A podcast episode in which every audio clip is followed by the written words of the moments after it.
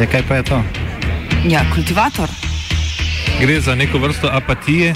To lahko reče samo kreten, noben drug. Socialni invalid in ga je ne mogoče urejati. Drugi kandidat. Pa, eh, pa pije, kadi, masturbira, vse kako ti lahko reče. Nihče tega ne ve. Vsak petek skultiviramo dogodek tedna. Lahko po kriterijih radio študent, težko pa po evropskih kriterijih. Ampak na drug način, kot vi to mislite. Kultivator vedno užge. da pač nekdo sploh omenja probleme, ki so in da pravzaprav sploh nekdo sproži dogajanje uh, v družbi. To drži, drži.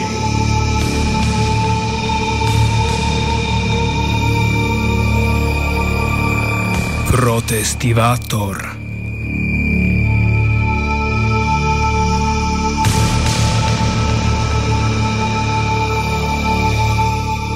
Ker sem prišla eno uro prek malu v Ljubljano, sem šla parkirati v Tivoli in šla še na sprehod do Trga Republike. Sprehod plus, da bi si kupila pečen kostan ali kaj podobnega, ko so me čist brez veze obkolili policaji in zahtevali legitimacijo. Dala sem jim osebno in vse papirje. Nek mlad policaj je še poklical to gospo, s katero sem imela razgovor, ki mu je tudi potrdila, da je vse to res. Ampak se jim je jebalo za vse. Napisali so mi kazen in na to, da sem prišla prek malu, mi je ta policaj Matej pojasnil, da se ne smem sprehajati in da bi morala biti točno na tem naslovu, kjer sem bila naročena. Če tudi bi eno uro sedela v avtu pred stavbo, oziroma kot mi je sam rekel, bi morala pravi čas na pot. Policaji mi kradejo svobodo, označili so me za kriminalca in čist navadno smet.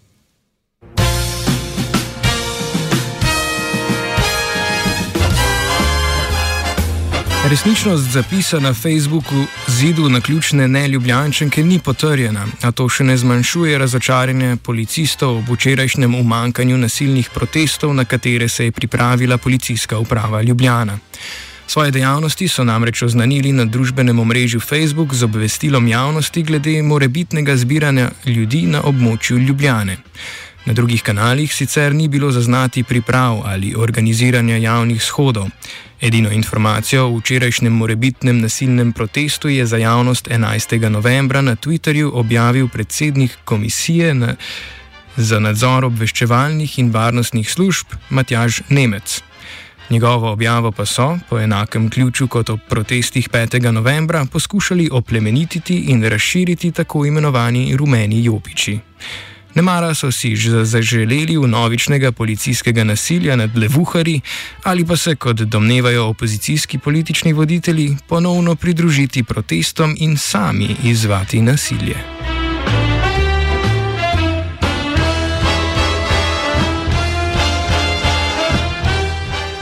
Nič od tega se ni udejanilo, tako da so morali policaji odvečno energijo izživeti na naključnih mimoidočih, Poleg avtorice uvodnega nagovora so po pričevanjih očividcev v središču slovenske prestolnice z uporabo prisilnih sredstev aretirali vsaj še dva mladeniča.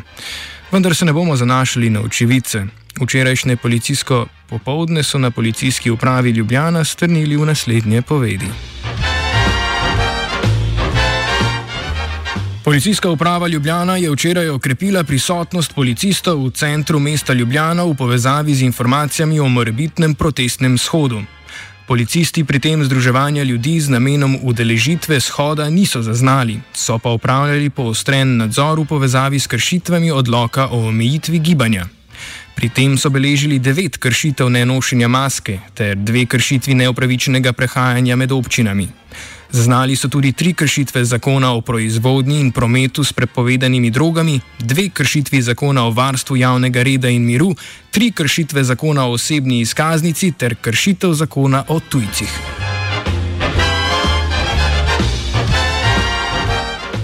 Policajke in policaji v Ljubljani pa na njihovo žalost in našo ravnodušnost ne bodo mogli podaljšati vikendov današnji petkov popovdan. Petkovi protestniki, ki jih provladne tviterske sile rade poimenujejo kolesarjat, mi pa še rajši jenulovci, namreč sporočajo. Danes se protestniki ponovno podajamo na ulice, kjer bomo ob 19. nadaljevali s protesti proti strahu vladi Janeza Janše. Ta petek bo protest s koles oziroma dvokolesnikov preseli, preselil na štiri kolesnike. Z avtomobili bomo ob 19. uri začeli z vožnjo po centru Ljubljane in tudi po ostalih slovenskih krajih, ter množično, glasno in vidno izkazovali kritiko do trenutne oblasti.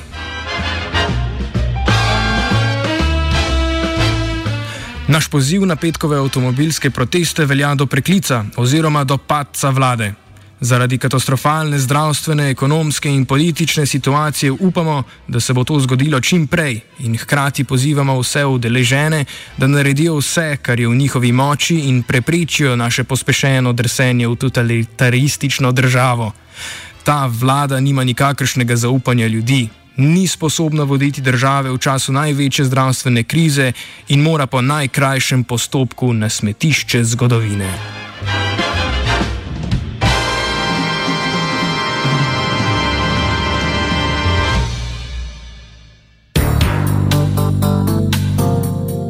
Mogoče se sprašujete, zakaj protestniško vabilo velja do preklica.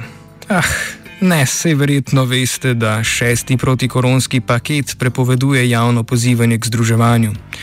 Kdor se bo zbiral na javnih krajih, bo oglobljen s 1000 do 10 tisoč evri, kdor pa bo k temu pozival, s 1500 do 15 tisoč evri na položnici v modri koverti.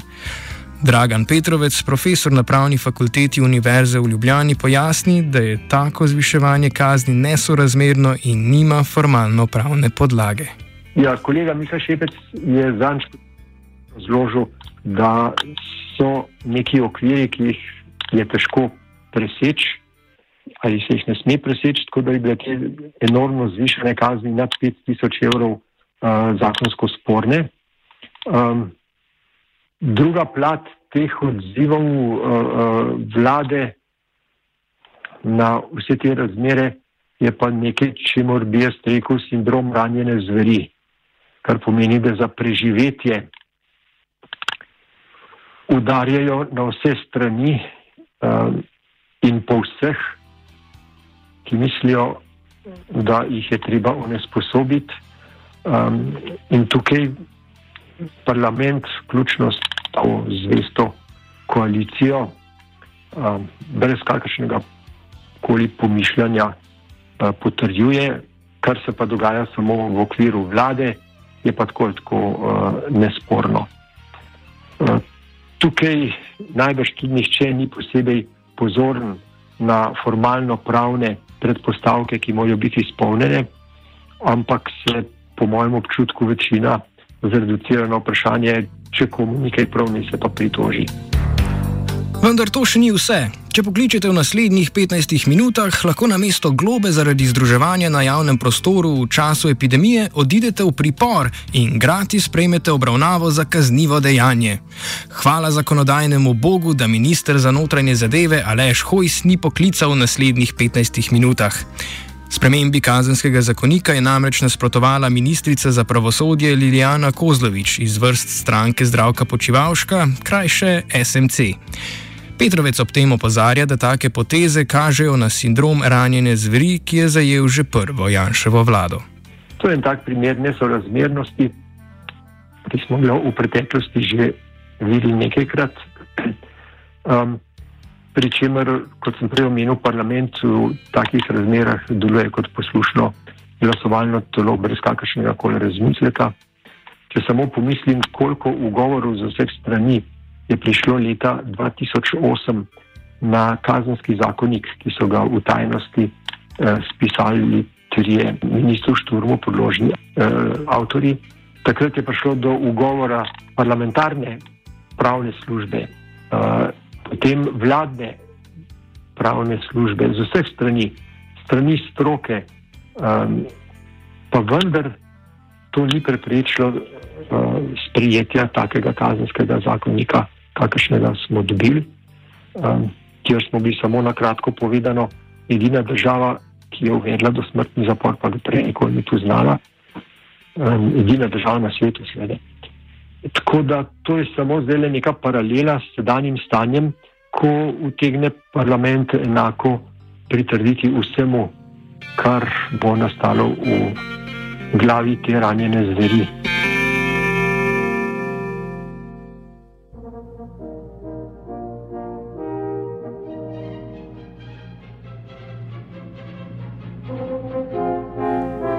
Na odločitev vladnih politstrokovnjakov, da zabelijo kaznovanje protestnikov, je zagotovo vplival izbruh nasilja na protestih 5. novembra letos. Od njega so se sicer ogradili tako petkovi Janulovci kot Antifa Ljubljana in drugi anarhisti, ki so jim podporniki vlade iz kleti na Twitterjakovi 8 poskušali pripisati izgrede. Spomnimo se, spomnimo 5. novembra.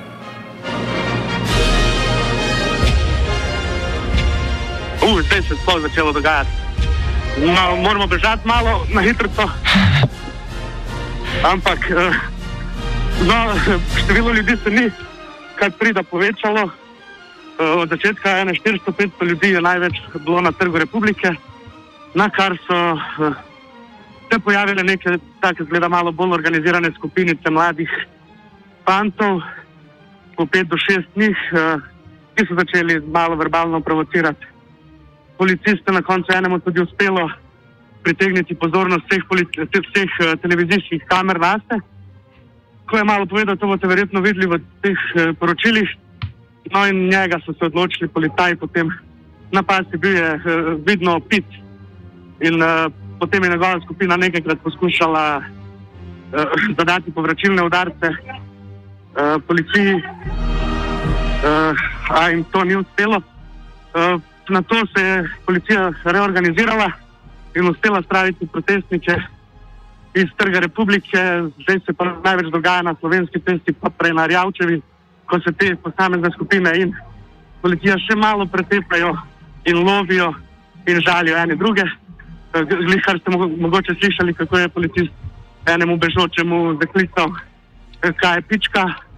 Tako da ja, zanimivo je. Ene, 50 uh, močnih petark je že odjeknilo, ena celo v, na sredini med uh, policisti. Tako da mislim, da bo to še nekaj časa trajalo na različnih ulicah v centru. Nad nami je tudi helikopter, tako da je ja, ena taka izkušnja uh, filmska. Uh, upamo, da bo čim manj uh, poškodb in raz, raznih kazni.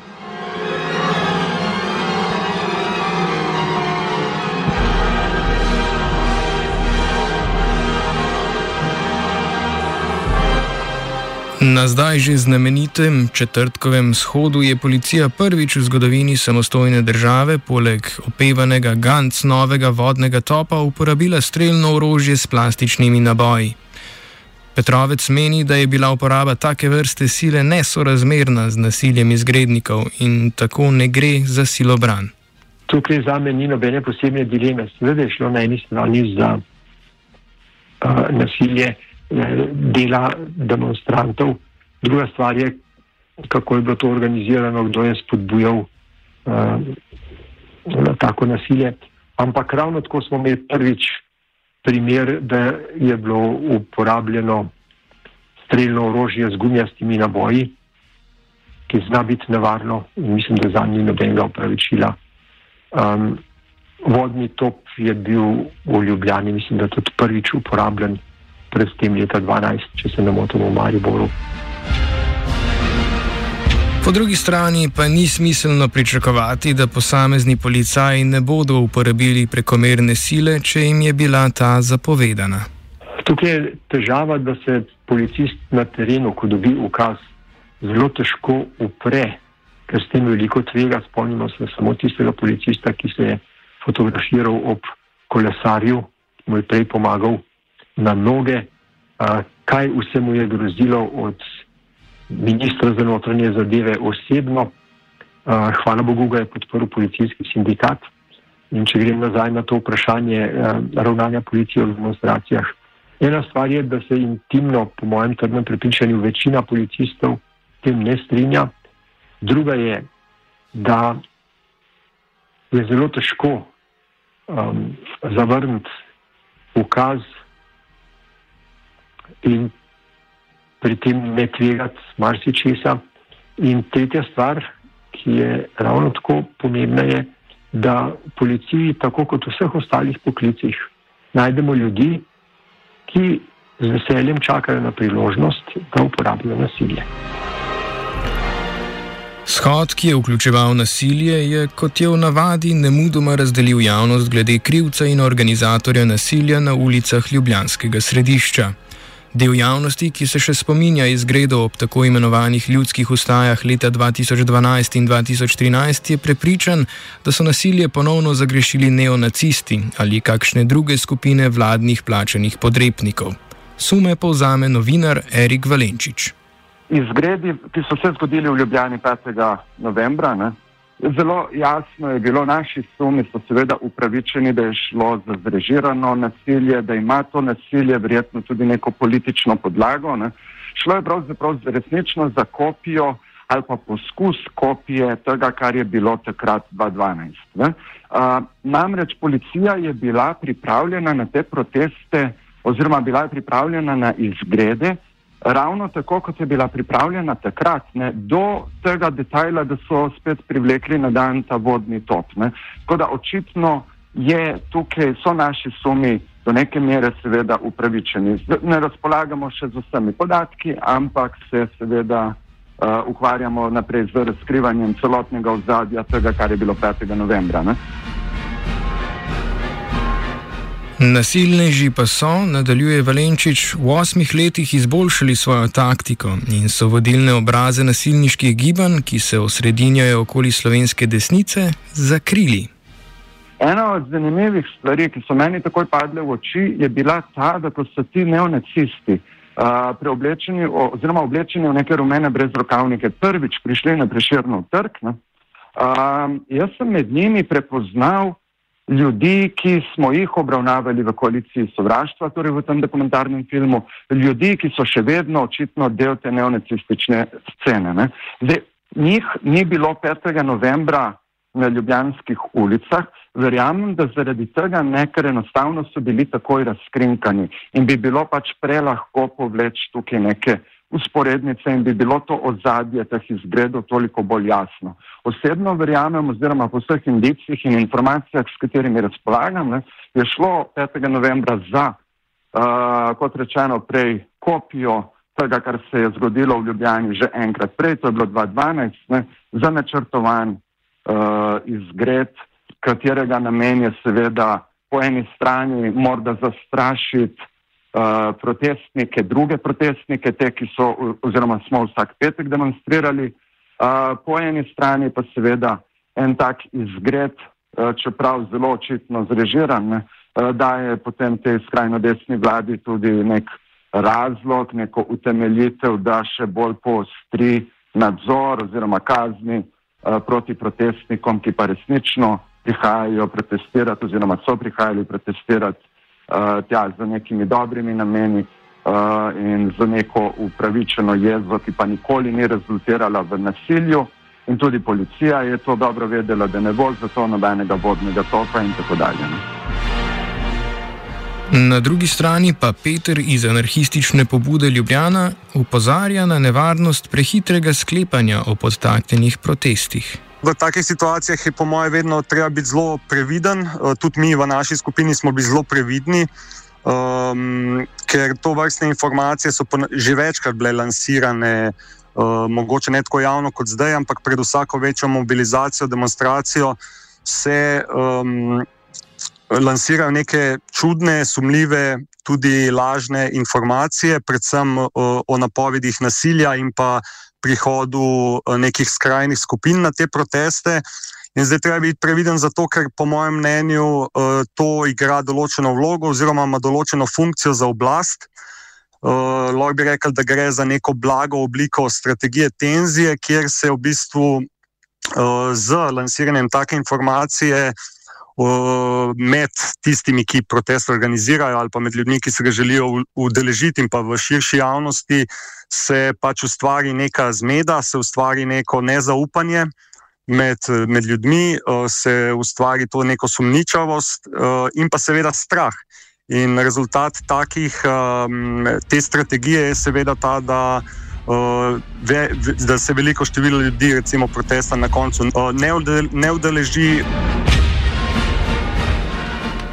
Cilj take instrumentalizacije protestov pa je razvrednotenje različnih oblik upiranja, pri katerih kot edino legitimno protestiranje ostane nenasilno kolesarjenje, ki pritiče višjim slojem družbene hierarhije.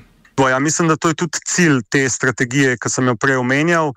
Torej, to, da se v bistvu, mm, da se v bistvu onemogoči različne oblike protesta, da se pač. Um, zabetonira samo eno uh, tako, tako imenovano spremljivo obliko protesta in pač ta gonja proti um, to vrstnim protestom, tako pred samim protestom. Kot po njem uh, je pač ja, namenjena temu, da se na nek način pacifizira in uh, tudi neutralizira kakršno, kakršno koli obliko, uh, mogoče malo bolj direktnega ali pa ja, direktnega uh, upora. Ne. Prav zaradi nevarnosti, ki jih instrumentalizacija takšnih oblik upora predstavlja, bo za javno pojavnost protivladnih ali protijanšističnih protestov najpomembnejše hitro razkritje resničnih ozadij 5. novembra. Povzame Valenčič. Uh, kar se pa tiče uh, dojemanja javnosti glede tega, kaj se je zgodilo 5. novembra v Ljubljani, ne, je pa seveda izjemno pomembno, da mediji tukaj, pa dobro, tudi organi pregona, ne, opravijo svojo nalogo in da se te ljudi, te posameznike, ki so razgrajali, ki, ki so napadali ljudi in tako dalje, ne, uh, razkrinka. Ne. Zato je zelo pomembno, da mi ne smemo izgubiti fokusa kaj se je 5. novembra pravzaprav uh, dogajalo in moramo ustrajati, uh, da dobimo pač neke odgovore. Ne? Na tak način se seveda tudi zaščitimo za naprej. Ne? V smislu razvrednotenja različnih oblik upora je, tako Peter, mogoče najzanimivejši odziv parlamentarne politike po 5. novembru. Diskurs tako imenovane leve strani državnega zbora in njej nasprotne desnice je bil povsem enak mislim, da je zanimivo, da sta recimo tako uh, parlamentarna levica kot parlamentarna desnica se odzvali v bistvu identično. Levica je pač rekla, da, so, da za temi nasilnimi protesti stojijo skrajni desničari, desnica je pa pač uh, obrnila zadevo in rekla, da so za temi protesti stojijo uh, skrajni levičari. Tako da mislim, da je to kar zgovorno samo po sebi. Peter ob tem povzame, da je med petkovimi rednimi protesti in 5. novembrskim nasilnim shodom velika razlika v socialnem položaju udeležencev.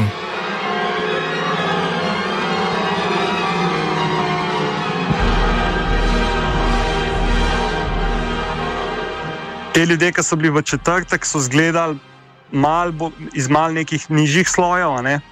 veliko je bilo mladih. Um, sem tudi pol neke informacije dobil, kdo so te blizu vse skupine in mi je kar zanimivo, no, da so. Kaj jih je v bistvu um, angažiralo, da so šli, in mislim, da je ta neka, neka res ta neka socialna stiska. Tako da, um, spet, ki je pa problem, to jaz mislim, da veliko teh ljudi je prej hodili tudi na petkove proteste, ne, ali pa še hodijo, ampak so, so zaradi pač eh, tega, kako so se v bistvu, kako se je vzpostavilo to vodstvo, ne, um, ki je pa bolj. Um, ima bolj karakter tega nekega srednjega razreda, ljubljanskega, kulturniškega in tako naprej. In s tem se, po mojem, manj, mislim, veliko teh ljudi ne more poistovetiti. Ne.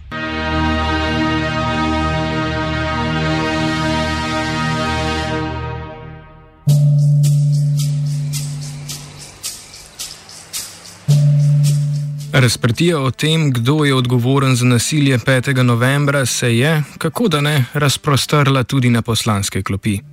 Najgorečnejše sta si v lase skočila poslanca levice Miha Kortiš in socialne demokratske stranke Branko Grims, oba člana parlamentarnega odbora za notranje zadeve.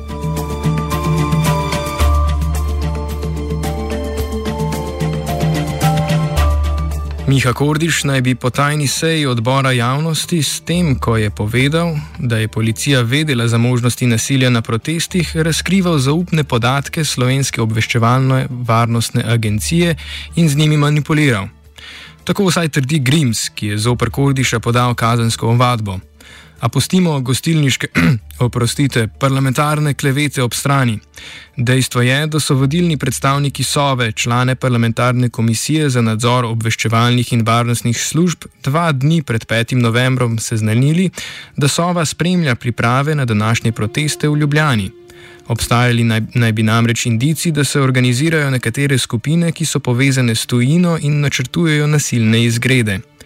Interpretacijo prepuščamo vam, dragi poslušalke, in ne Mihi Kordišu.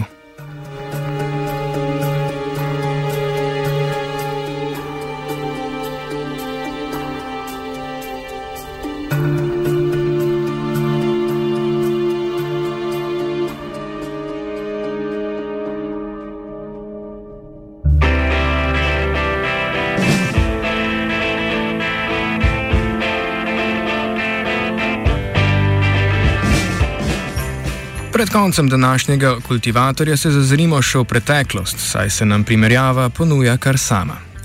Zadnji primerljivo močan protestniški val v naši državici se je odvijal leta 2012 in 2013, ko so Mariborčani odstavili takratnega župana Franca Kanglerja, današnjega državnega sekretarja na Ministrstvu za notranje zadeve.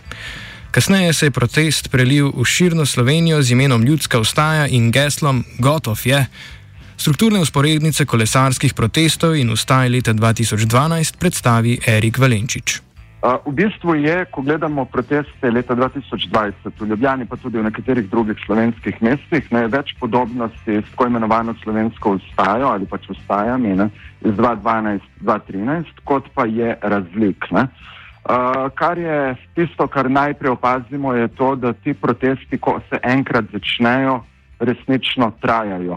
Jaz mislim, da imamo mi v Sloveniji veliko bolj bogato in veliko bolj odločno civilno družbo, pa tudi neko, uh, nek duh uporniški, kot morda sami sebi to kdaj priznavamo. Ne? To, da so protesti letos potekali toliko petkov zapored, torej skoraj da pol leta, uh, že pač pravzaprav ponazarja to stvar. Ena zadeva, ki je, ved, ki je tukaj, uh, ki se splača še omeniti kot neko podobnost, je pač, da v obeh primerih imamo uh, na oblasti skrajno desno, oziroma skrajno desnico, da imamo skrajno desno vlado, ne, kar seveda tudi podžiga ljudi k, k protestom. Uh, za razliko od 2012-2013 je letos morda opaziti to, da je manj nekega kulturniškega programa, ki bi spremljal te proteste, oziroma nekega duha ustvarjanja. Jaz sem letos recimo pogrešal uh, to, kar je bilo 2012-2013 ko si imel in koncerte, in, in vse živo, pač, uh, kar je takrat se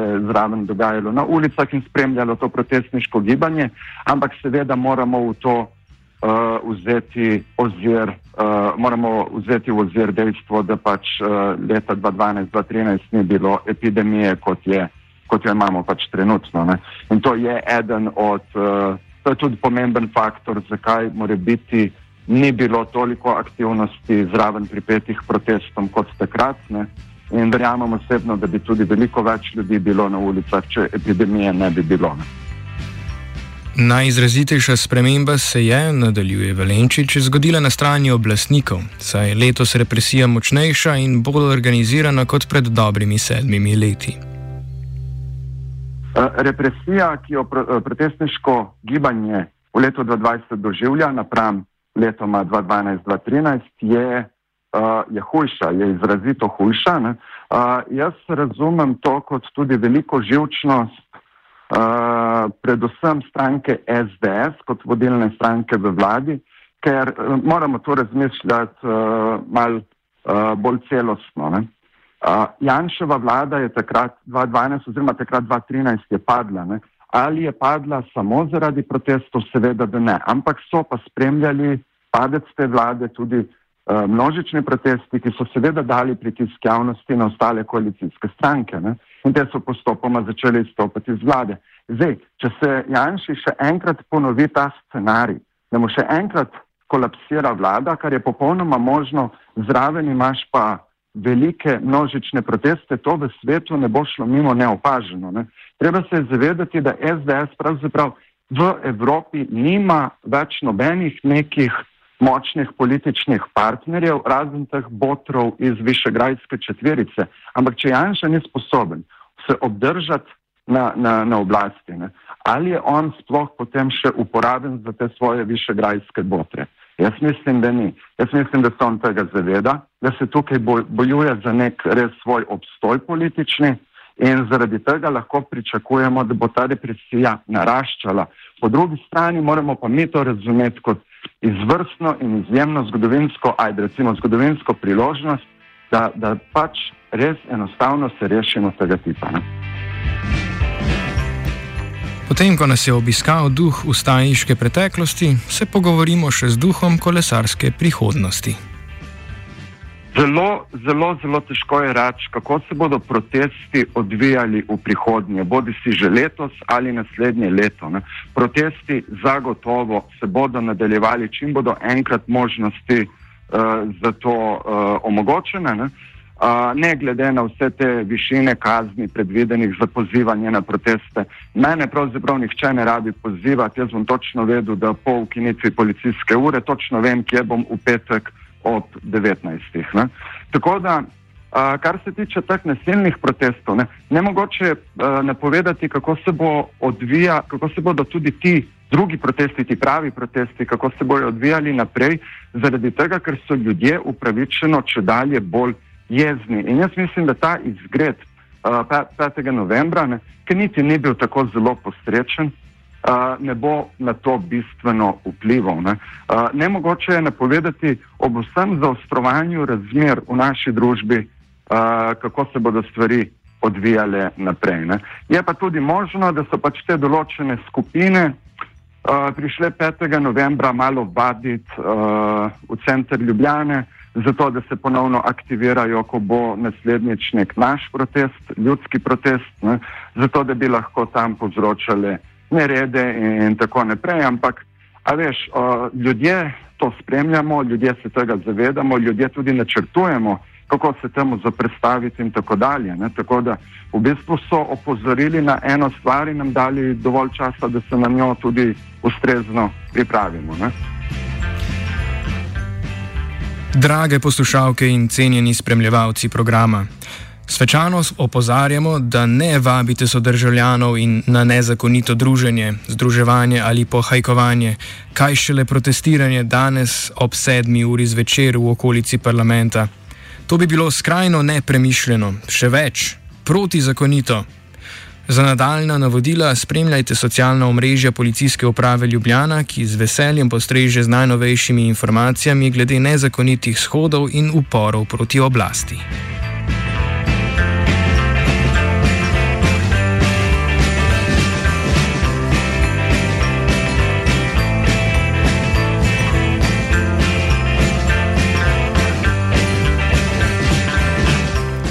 Slovensko protestništvo je kultiviral Virant. V oddaji ni bil poškodovan noben predstavnik Sove ali Knovsa, saj niti niso želeli sodelovati.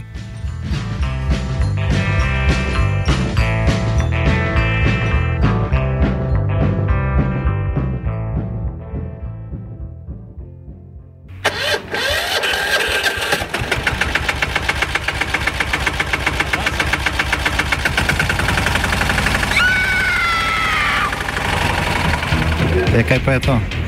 Ja, kultivator. Gre za neko vrsto apatije. To lahko reče samo kreten, noben drug. Socialni invalid in ga je ne mogoče urejati. Drugi kandidat. Pa, pa pije, kadi, masturbira, vse kako hoče, če nihče tega ne ve. Vsak petek skultiviramo dogodek tedna. Lahko po kriterijih radio študent, težko pa po evropskih kriterijih. Ampak na drug način, kot vi to mislite. Kultivator vedno užge. da pač nekdo sploh omenja probleme, ki so in da pravzaprav sploh nekdo sproži dogajanje uh, v družbi. To drži, drži.